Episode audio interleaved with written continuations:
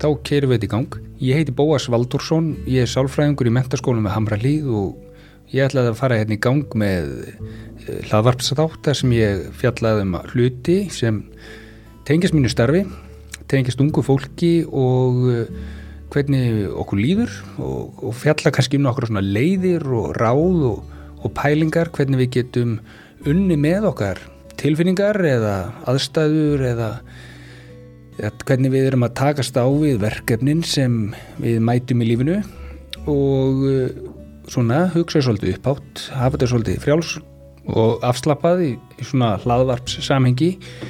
mögulega getur einhverjir mögulega geta einhverjir nýtt sér þessar pælingar mögulega geta einhverjir fengið svör við þeim pælingum sem þau eru í eða e, tekið eitthvað með sér, e, prófa að segja áfram og kannski fundið einhver verkværi eða leiðir sem að nýtast þeim í að takast á við þær aðstæður eða, eða það er tilfinningar sem eru í gangi hverju sinni. Ég verð með Facebook síðu og tölupóstfang og, og annars líkt sem fólk getur mögulega eða fólk sem fólk getur sendt inn spurningar ef það, ef það hefur áhuga því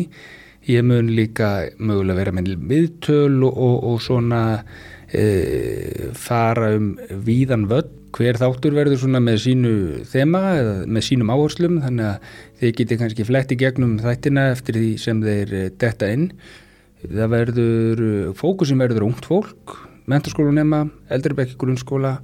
og auðvitað getur þetta líst fólki á öllum aldrei með út í það er farið. Ég mun ekki bara fjalla um erfiða hluti, heldur alltaf ég líka að reyna að fjalla um hluti eins og hvað, hvað lætur manni líða vel og hvað er uppbyggilega og hvað áhrif á mann, hvað er maður setur sem markmið og, og,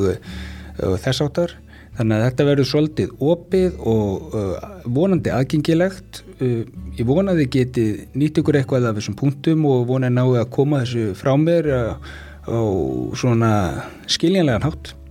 en við tókum eitt skrif í einu þetta var bara svona smá kynning á þættinum og því ekki eftir neina býða en að byrja bara fyrst á þáttin og sjá hvert þetta verkefni leiður okkur. Takk fyrir að kíkja við og hlusta vonandi höfðar þetta til þín. Ég hveti líka til þess að kíkja á Facebook síðu þáttarins eh, eða senda tölupóst á dótakassin hlaðvarp.gmail.com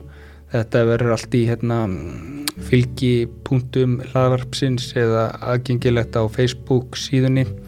Dótakassin hlaðvarp. Hefur ekki bara byrjað á fyrsta þáttin og sjá hvert þetta æfintýri skilur okkur.